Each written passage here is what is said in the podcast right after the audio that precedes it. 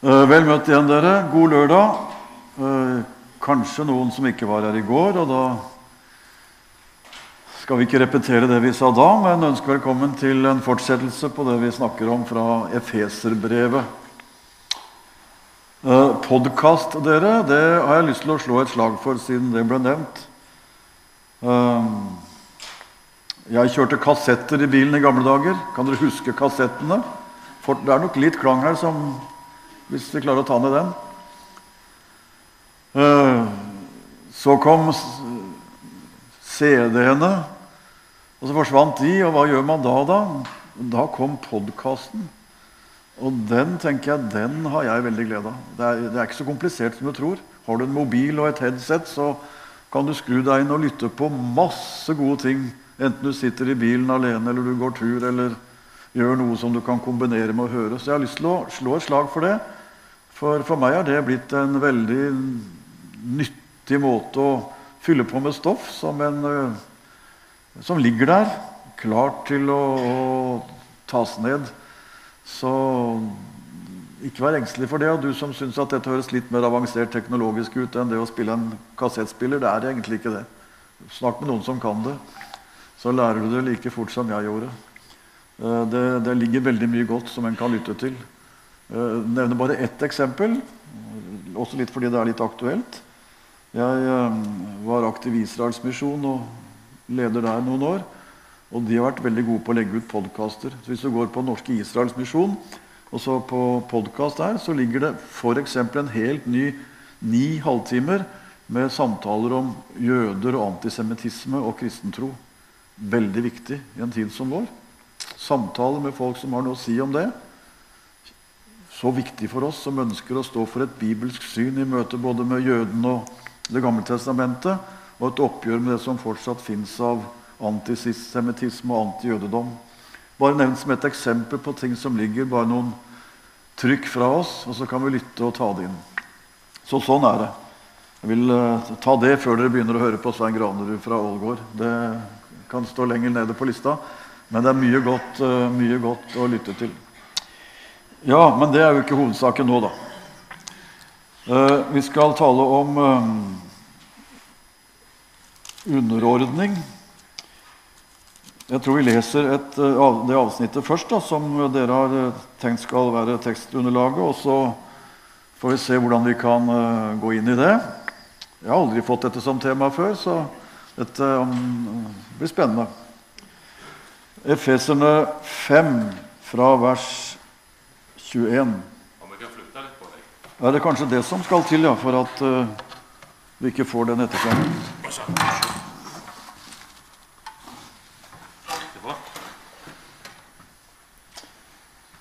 Da skal vi se det hjelper. Det er noe med forholdet til høyttalerne. Ble det bedre nå? Jeg kan snakke litt, jeg tørrsnakke litt, sånn at dere kan justere hvis det lar seg gjøre. Det er ikke så ille for meg, men hvis det er slitsomt for dere med den etterklangen, så Men, men altså, vi kan gå over til den igjen, for det gikk veldig bra i går. Skal vi heller si at vi gjør det? Da gjør vi det. Nå går vi over til den her. Ja. Eh, det eneste jeg må passe på da, er å ikke bevege meg så mye, men dere kunne hatt mer karismatiske predikanter enn jeg, som hadde slitt, slitt med det. Så jeg, jeg, jeg, jeg har ikke så veldig store problemer med å holde meg i ro. Så det, det, det, har sine gode sider å være litt sånn moderat òg. Ja, men vi var vel i gang med å si at vi skal lese tekstavsnittet som ligger til grunn for temaet dere har satt opp. Fra Efeserbrevet kapittel 5 og fra vers 21. Vær hverandre underordnet i ærefrykt for Kristus. Dere kvinner, Underordne dere ektemennene deres som under Herren selv. For mannen er kvinnens hode, slik Kristus er kirkens hode. Han er frelser for sin kropp. Som kirken underordner seg Kristus, skal kvinnene underordne seg sine menn i alt. Dere menn, elsk konene deres, slik Kristus elsket kirken og ga seg selv for den, for å gjøre den hellig og rense den med badet i vann i kraft av et ord. Slik vil han selv føre Kirken framfor seg i herlighet, som den minste, uten den minste flekk eller rynke. Hellig og uten feil skulle den være. På samme måte skal også mennene elske sine koner som sin egen kropp. Den som elsker sin kone, elsker seg selv. Ingen har noen gang hatet sin egen kropp. Nei, man gir kroppen næring og pleier den på samme måte som Kristus gjør med kirken, for vi er lemmer på hans kropp. Derfor skal mannen forlate sin far og mor og holdes fast ved sin kvinne, og de to skal være én kropp. Dette er et stort mysterium. Jeg tenker på Kristus og kirken. Men det gjelder også hver enkelt av dere. Hver mann skal elske sin kone som seg selv, og hun skal ha respekt for sin mann. Ja, vi kunne gått i samtale med en gang og hørt hva vi tenker og, og vurderer når vi leser det her. Men dere som var her i går, husker at det var en sak som vi understreket veldig sterkt, og det skal vi gjøre nå også. Og det er at uansett hva vi forkynner ifra Guds ord, så må vi forkynne slik at vi begynner med gaven og fortsetter med oppgaven. Det er Den evangeliske rekkefølge den er helt avgjørende for at vi er der hvor Gud vil ha oss i forhold til seg, sine gaver og sitt ord. Og Den evangeliske rekkefølge er heldigvis ikke 10-15 på topp eller et eller annet sånt som skal rangeres.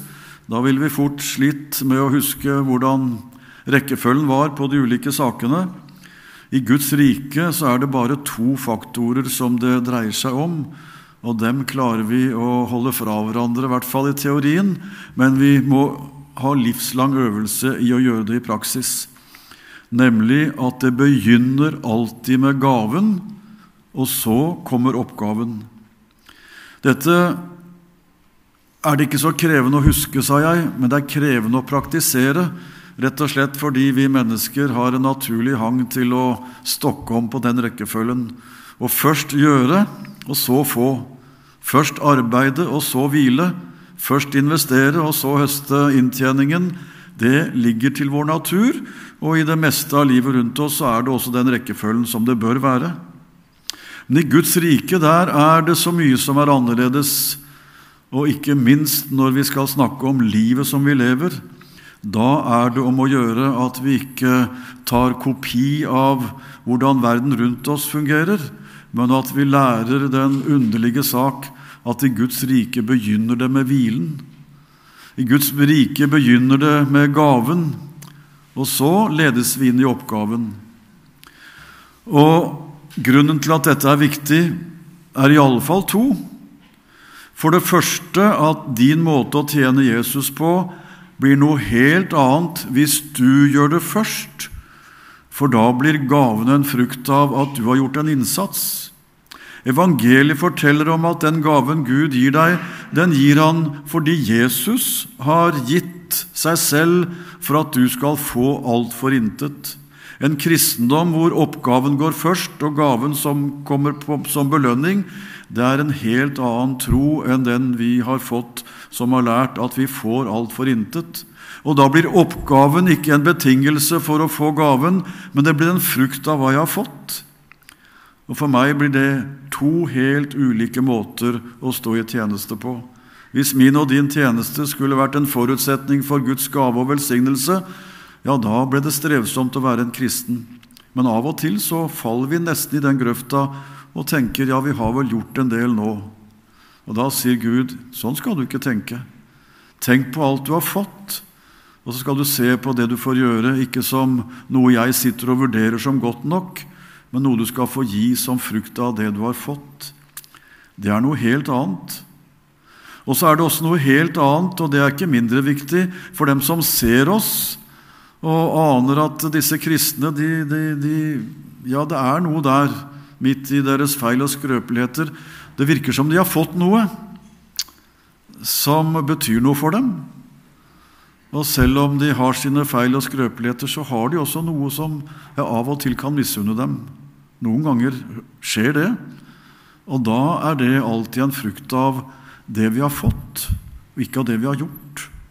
For det de skal ane, det er frukten av Jesus i våre liv. Ikke at vi er fromme nok til å kunne ta oss godt sammen. Det kan man gjøre i ulike kulturer og ulike religioner.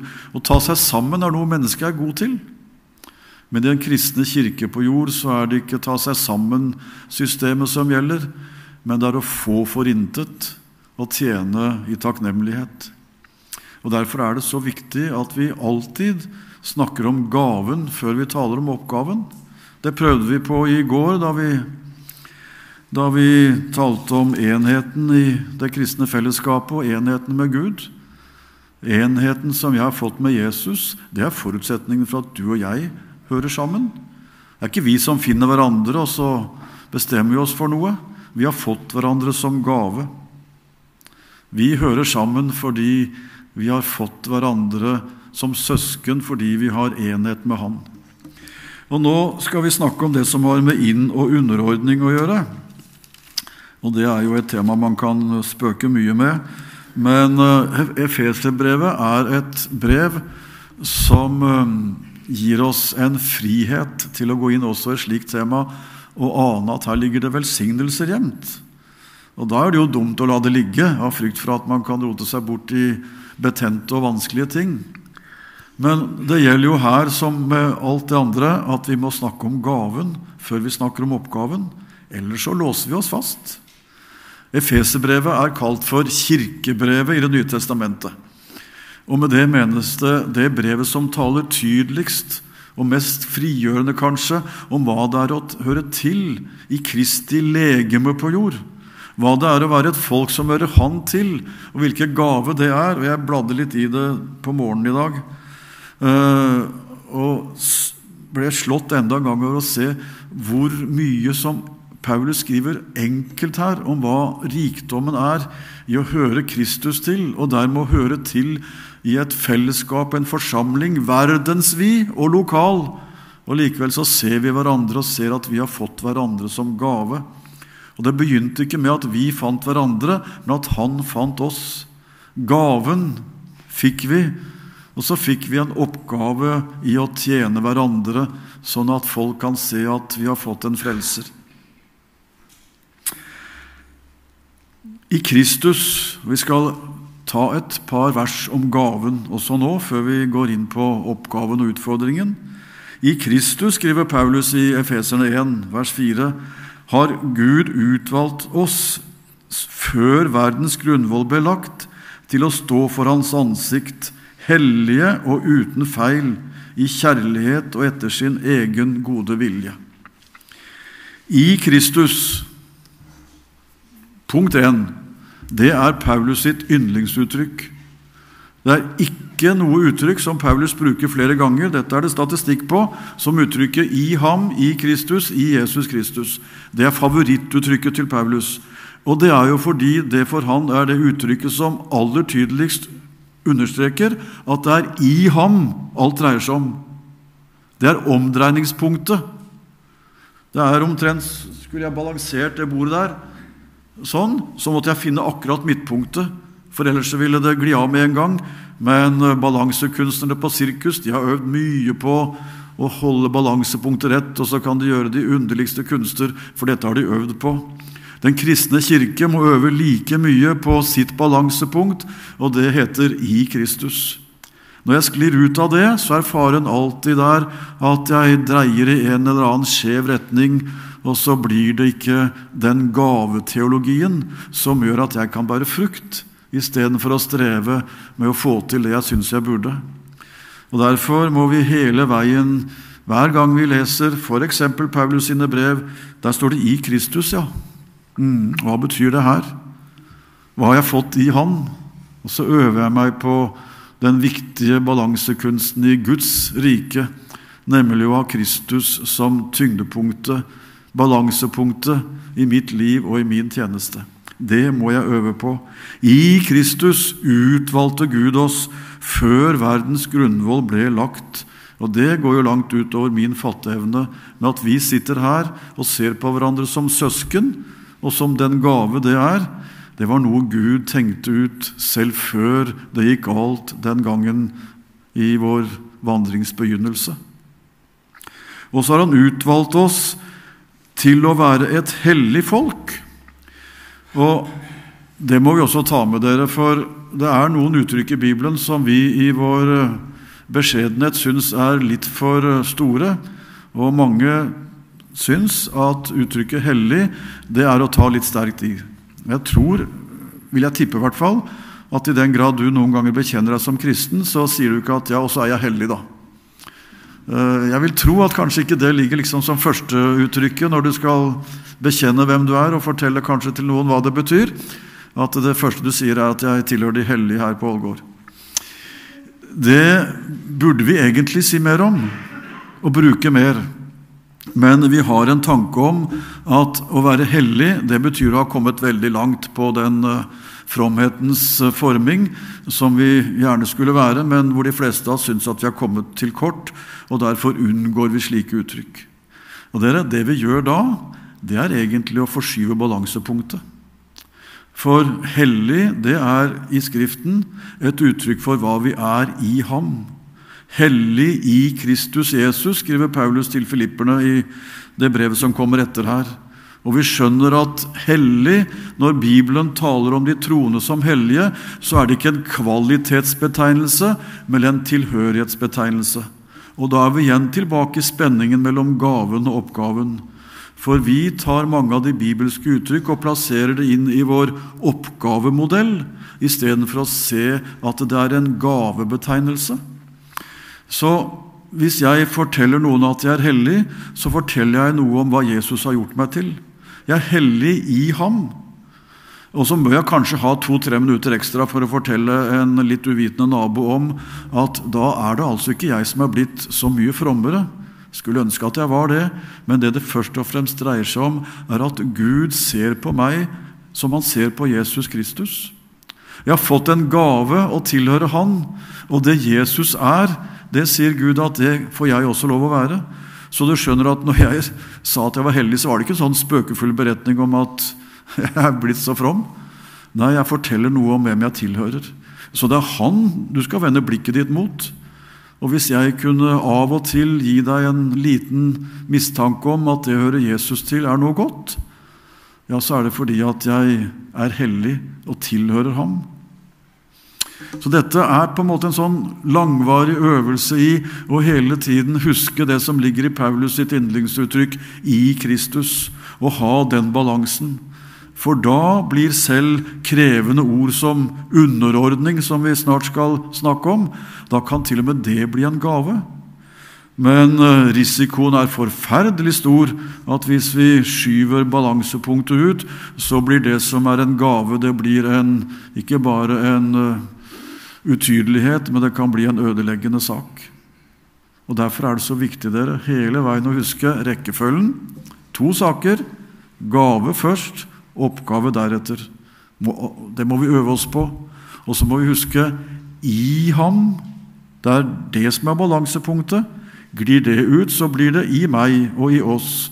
Og det blir en annen kristendom. Kirkehistorien er full av eksempler på at vi har slitt med det. Skal vi gå videre? Bare bla litt før vi er tilbake til eh, stedet vårt, kapittelet vårt, men litt, litt mer om eh, gaven. I ham, skriver Paulus videre i vers eh, kapittel 1, vers 11, i ham er vi blitt arvinger. Det betyr altså at vi er satt inn i et forhold hvor vi sammen med Jesus har barnerett hos Gud. Jeg har et forhold til Gud som jeg deler med Jesus. Det talte vi om i går, så vi skal ikke si så mye mer om det, men det gjelder å huske det. For det er det som gjør at jeg får den frimodigheten jeg trenger i en verden som krever så mye av meg, og som gjør meg urolig og engstelig også.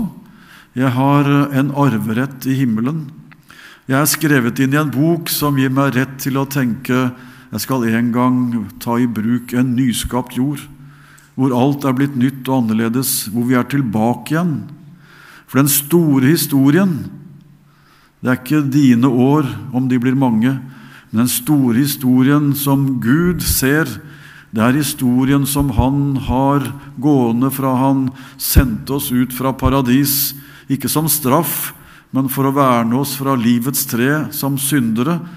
Det treet må vi vente å spise av til det er tatt et oppgjør med det. Overvunnet.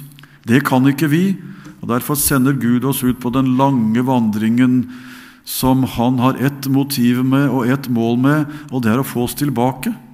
Og Bibelen er boken om Guds vei med oss fra han sendte oss på vandringen, og til han får oss tilbake dit han lengter å ha oss.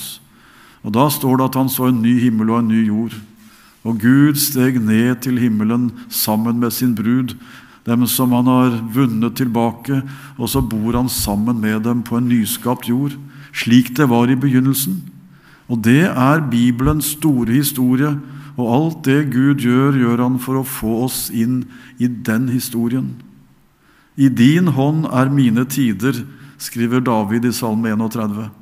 Det betyr at han tar sin historie, 60, 70, 80 år, eller kanskje bare to, blir lenger på David, da, så legger han det inn i Guds lange historie, og så er jeg blitt en del av den store historien. Det er Guds målsetting med tilværelsen. Det er Guds røde tråd gjennom historien. Det er det som hele historieløpet er en ramme rundt. Guds vei tilbake til oss. Og det er Gud som lengter. Det er Gud som handler. Og det eneste på den nye jord som bærer bud om at det har vært en lang og krevende historie, det er at en på den nye jord skal bære korsmerker fordi han eh, måtte sone straffen for våre synder. Han bærer dem i sin oppstandelse, og vi ser hva det kostet. Og det ser ut som det skal være hovedtema for lovsangen når alt er blitt nytt. Vi blar videre i Efeserbrevet, og vi må, vi må ta med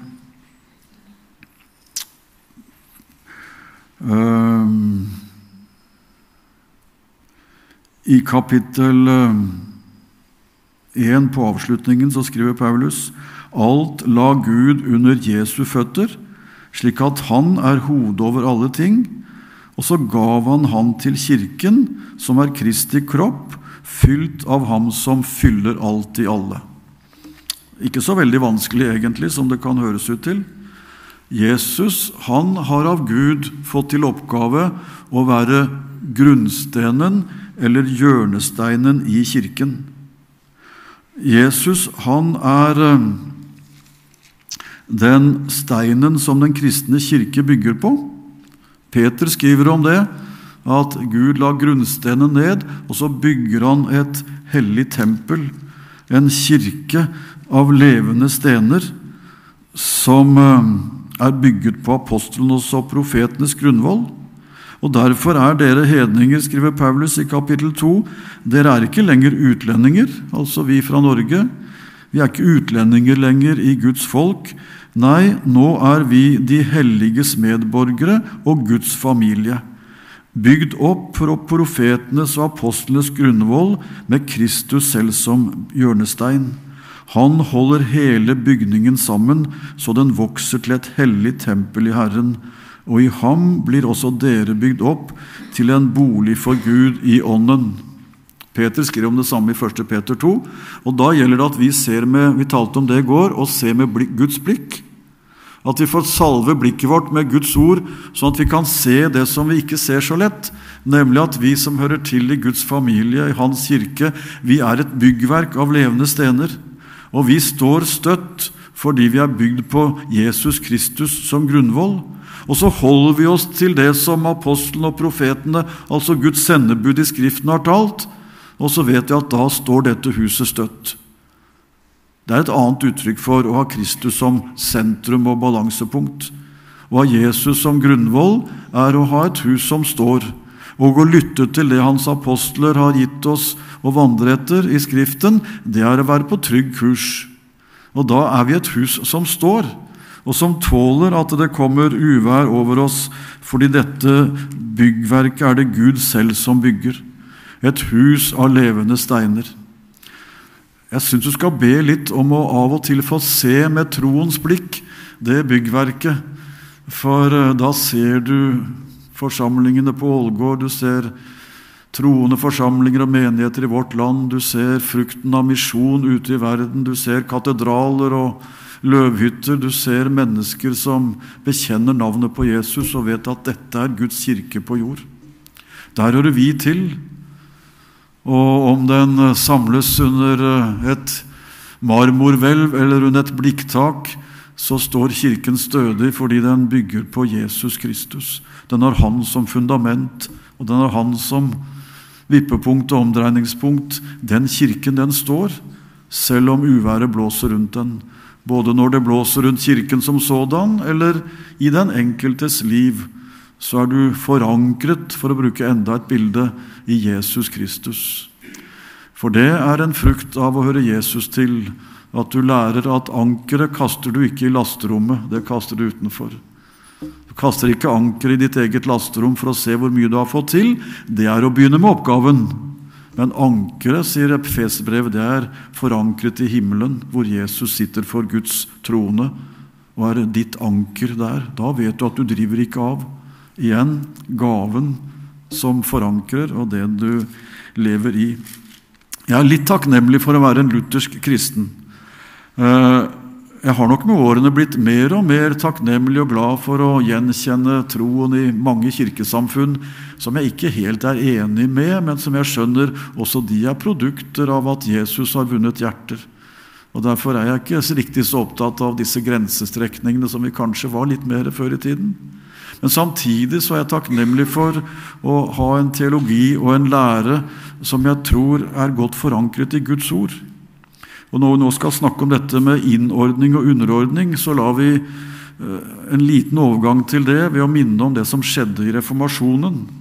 For da hadde middelalderkirken fått en struktur og en oppbygning som var nesten urokkelig i troen på at kirken den tjente folket med å ha en pave og kardinaler og biskoper og prester og diakoner, og det var et system som alle måtte innordne seg, og makten lå i dem som hadde posisjoner, og lekfolket som sådan, de, de, var, de var små og utydelige, måtte innordne seg under kirkens mange krav i alt fra levesett til almisser og gaver og alt som Kirken hadde å forvente av dem som han skulle styre med. Og Dette gjorde Kirken med keiserens og statens eh, tydelige støtte, så det lå mye makt i Kirkens struktur. Da var det altså at Gud brukte Luther, og en del andre også, eh, til å se at det er jo ikke dette som er den kristne kirke. Rettferdigheten innenfor Gud får jeg ikke, skjønte Luther, ved å leve opp til Kirkens mange krav om lydighet og innordning. Men rettferdigheten den får jeg ved troen på Jesus Kristus. For rettferdigheten det er noe som Gud gir. Det er ikke min rettferdighet Gud krever. Den når ikke så langt, enda Luther var langt over de fleste av oss. Men han skjønte at han kom ikke så høyt med egne gjerninger. Men så fikk han se at det som Gud krevde, det var at Luther tok imot det Gud gav rettferdigheten ovenfra, og den dekker alt. Min rettferdighet når ikke opp. Og Dermed så falt Luther til ro i vissheten om at Kirken det er ikke samfunnet av de som innordner seg i strukturer. Kirken er samfunnet av de hellige, de som hører Jesus til. Og På sitt beste så har den lutherske kirke vært forbilledlig på å løfte fram nettopp det at Kirken er samfunnet av dem som hører Jesus til. Og når de i 1530 forfattet den augsburgske bekjennelse, som også er Den norske kirkes lutherske bekjennelsesskrift og de kristne lutherske organisasjonenes, da står det i artikkel 7 at, at Kirken det er samfunnet av de hellige. De som eh, holder seg til evangeliet og har en rett forvaltning av sakramentene. Det er ikke nødvendig, står det der, at Kirken har de samme ordninger alle steder. Det kan variere. Men Kirken er samfunnet av de hellige, dvs. Si de som hører Kristus til. Og så er det to kjennetegn på den kirken. Den holder seg til evangeliets ord, og så forvalter den nådemidlene, dåp og nattvær, slik som Gud har gitt oss. Det lever Kirken på. Og så kan det være mange ytre forskjeller, står det også i den artikkelen. Det er frigjørende å lese det som er den lutherske kirkes bekjennelse om hva Kirken er. Den er et folk som ikke har sin enhet i lik struktur. Da blir det oppgaven som har fokus. Det er et folk som har sin enhet i gaven, at de hører Kristus til. Og Derfor er de et hellig folk. Og Nå har vi snakket om hva det betyr. Det er ikke et kvalitetsbegrep på oss, men det er et tilhørighetsbegrep i forhold til Han. Og da blir Kirkens innordning ikke en innordning under strukturer, men en innordning i forhold til det Jesus kaller oss til. Og da går det an å nærme seg, som du tror nå kanskje jeg prøver så godt jeg kan å komme utenom, eh, det kapitlet om eh, underordning som ligger i Efesene 6, og som har skapt forferdelig mye debatter og ulike tanker. Jeg må nok si at å tale om innordning og underordning i dag i vår kultur, det er en risikosport av de store. Rett og slett fordi det er et fremmedelement i vår kultur og vår samtid, men også fordi historien viser at den kristne kirke har heller misbrukt dette ordet enn brukt det rett opp gjennom årene. Jeg nevnte allerede middelalderkirken, som hadde en struktur hvor makten lå i strukturen og de personene som betjente de ulike posisjoner. Og Veldig mange samfunn har hatt et kjønnsrollemønster hvor mannens rolle og herskerrolle i hjem og familie var gitt både i kraft av hans fysiske styrke og i kraft av en kjønnstenkning som er langt borte fra Bibelens. Og Kirken har ofte gjort den til sin. Og så er det å snakke om innordning og underordning blitt noe som bekreftet folks opplevelse av en kirke som gjorde forskjell på folk.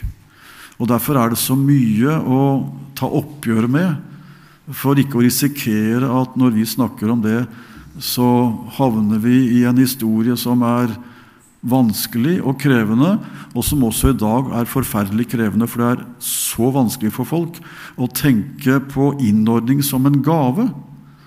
Når det vi er opptatt av, og i og for seg med god grunn, det er å si at vi er likestilte, likeverdige, og skal få lov å få gaven i å tjene hverandre og ikke å herske hverandre. For Kirken og Guds menighet på jord det er ikke et sted hvor vi går inn i roller som får sitt plass i et system. Kirken på jord har gitt oss den gave å se på hverandre som søsken. Og vi er like. Og det er arven fra reformasjonen, ikke minst. Men først og fremst fra apostlenes lære at vi er likestilte. Og Det betydde en revolusjon i mange kulturer når Den kristne kirke møtte dem og snudde opp ned på likeverdet. Og Det begynte allerede da et opprør både mot en slavetenkning som var ukristelig, og også en undertrykking av kvinner som var like langt ifra Guds tanke om vårt likeverd. Og Dette har ulike kulturer opp gjennom århundrene tatt vare på, og også gjort det i Jesu Kristi navn. Så Derfor er det forferdelig mye å ta oppgjør med.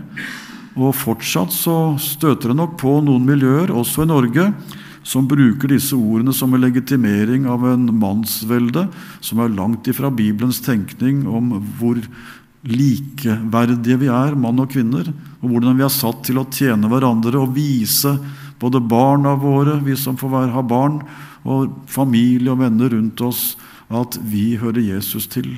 Og Da er vi der for å løfte hverandre opp, og ikke for å vise at en er sjef.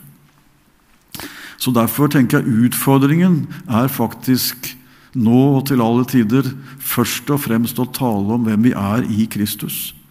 For risikoen er kjempestor for å dra dette over i noe som møter vårt behov for å lage systemer, og mannfolks kanskje iboende behov for å bestemme, eller konflikten der hvor egentlig kona er vel så god til å holde orden på ting som mannen. Jeg må nå si sånn for egen del, så, så er det mye jeg gledelig lar Solveig stemme ordene i, fordi hun er god på ting. Og så skulle jeg ta en rolle og si at dette skal jeg ha orden på, for det har nå Gud sagt. Da er jeg veldig nær å misbruke slike ord som det, ord som det her. Og Når jeg leser dette avsnittet på nytt, så ser jeg jo, sånn som vi så når vi leste det, at det som Paulus har som omdreiningspunkt når han taler om dette, det er at det er Jesus som har gitt oss sin, vår plass i forhold til Han. Det er Kristus og Kirken som er gaven, og som er modellen, og som er dets omdreiningspunktet, hvor det er mulig å snakke om også vårt forhold til hverandre, slik at det blir en gave og ikke et problem. Så jeg tenker, Er det et område hvor det er viktig å hele tiden tenke gave, oppgave i rett rekkefølge, så er det når Bibelen snakker om vårt forhold til hverandre i tjeneste og oppdrag. For det er Kristus og Kirken som er gaven. Og Kristus han elsker Kirken så høyt at han ga seg selv for den.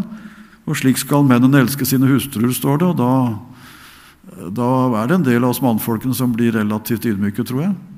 Når det er Jesus som er sammenligningspunktet.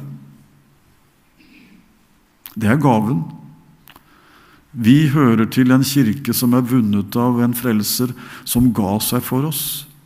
Og vår underordning av Han er ikke et kommandoregime, men et følg meg-regime. Det er 'jeg er veien, sannheten og livet'-regime. Det er gjeteren og sauene-regime, hvor Jesus sier til sine at han er den gode gjeter som har gitt sitt liv for sauene. Og så sier han til dem, 'Mine får, sauer, hører min røst. Johannes 10, 27. Et av de fineste ordene jeg vet i Bibelen. For der beskriver Jesus det å være kristen ikke som et regime hvor du er under kommando, men den trygghet som sauene har når de kjenner den ene røsten. Det er jo i og for seg litt fornedrende sammenligning, vil jeg jo kunne si. At Jesus bruker sauene som forbilde på oss. det jeg holdt på å si Det var godt det ikke var noen emissær eller prest som var først ute med den, for da tror jeg ikke det hadde hatt særlige sjanser. At det er noen ordentlige sauer. Men når Jesus sier det, så skjønner vi at det bildet taler jo vakkert om hvor rike vi er som får holde oss til én røst. I en tid hvor det er så mange røster som roper, på et torg hvor det er så mange som fallbyr sine varer, og i et terreng hvor det er så mange som sier at her går den beste veien, så får sauene slippe å ha komiteer for å finne veivalg, for de har vent seg til å høre én røst.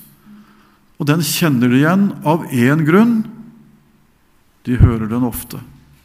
De hører den ofte. Når sauene ikke får høre hyrderøsten ofte, da blir de i villrede, og da vet de ikke helt hvor de skal gå. Men eh, i det gamle Israel, og fortsatt der hvor sauene trenger gjetere ute i villmarken, så er hemmeligheten at de fra lammetiden av hører én røst. Og mamma følger den røsten, og så gjør vi det. Og så blir sauen voksen og kjenner den ene røsten. Så så lenge de er ute og vandring i terrenget, så går de der hvor den røsten er. Og hemmeligheten er hele veien. De hører den ofte. De trenger ikke studere de andre røstene. Det er det ingen gevinst i. Når dyr lider, så enser ikke sauen det, men han hører den røsten som en kjenner igjen. Slik, sier Jesus, slik er det å høre til i min menighet. Jesus er der ikke med kommandoord, men med hyrderøsten. Han tar oss den veien han vil føre oss. Den er ikke en autostrade, er ofte en trang sti, men der vet jeg at den røsten er, og da er jeg på rett kurs. Og Det er bare når vi har den holdningen til vandringen, både i samliv og ekteskap og menighet, at vi kan modellere Jesu kjærlighet, og ikke viser en modell som vi fort kan misbruke til å få utløp for vår egen trang til å innordne oss i de posisjonene vi er bekvemme med. Det er få områder hvor risikoen for å misbruke Guds ord til egen fordel er så stor som her. For eh, en ordning den lager vi fort et system av, og så tenker vi at her får vi finne vår rolle, og vår plass. og Dette appellerer litt til meg. For noen er det å underordne seg også ødeleggende. Og Det er både sjelesørgere og psykologer som vet noe om det. At for mange er det å bli fri og våge å rette ryggen og stå fritt det viktigste de kan høre. I ekteskap så tenker jo jeg at vi først og fremst er gitt hverandre som gaver. Nå ser jeg at klokka går, så vi må runde raskt av. Men vi kan snakke litt om det både Vi har et kvarter til samtale også, som Jørn sa. I et ekteskap så tenker jeg at Gud har gitt oss til hverandre som gave. Og som ektemann er ikke jeg satt til å herske, men til å elske. Og jeg tenker at det er aldri min oppgave å fortelle kona mi at hun skal underordne seg. I den grad hun leser dette, så må hun lese og tenke ja, kan jeg være sånn at Svein og jeg sammen kan vise hva det er å høre Jesus til? Så vil vi gjerne gjøre det. Men da tror jeg ikke hun tenker at nå skal jeg være lydig og la han bestemme. Det går noe på hvordan vi er med hverandre, og sammen lytter. Hjelper hverandre, støtter hverandre. Og så kan Jesus gjennom det la oss være dem for hverandre som han vil vi skal være. Straks vi gjør dette til system, hvor vi definerer noen uttrykk for at her er det jeg som bestemmer, her er det jeg som må bøye meg, da er vi veldig fort der hvor det blir systemet og ikke Jesus som blir omdreiningspunktet.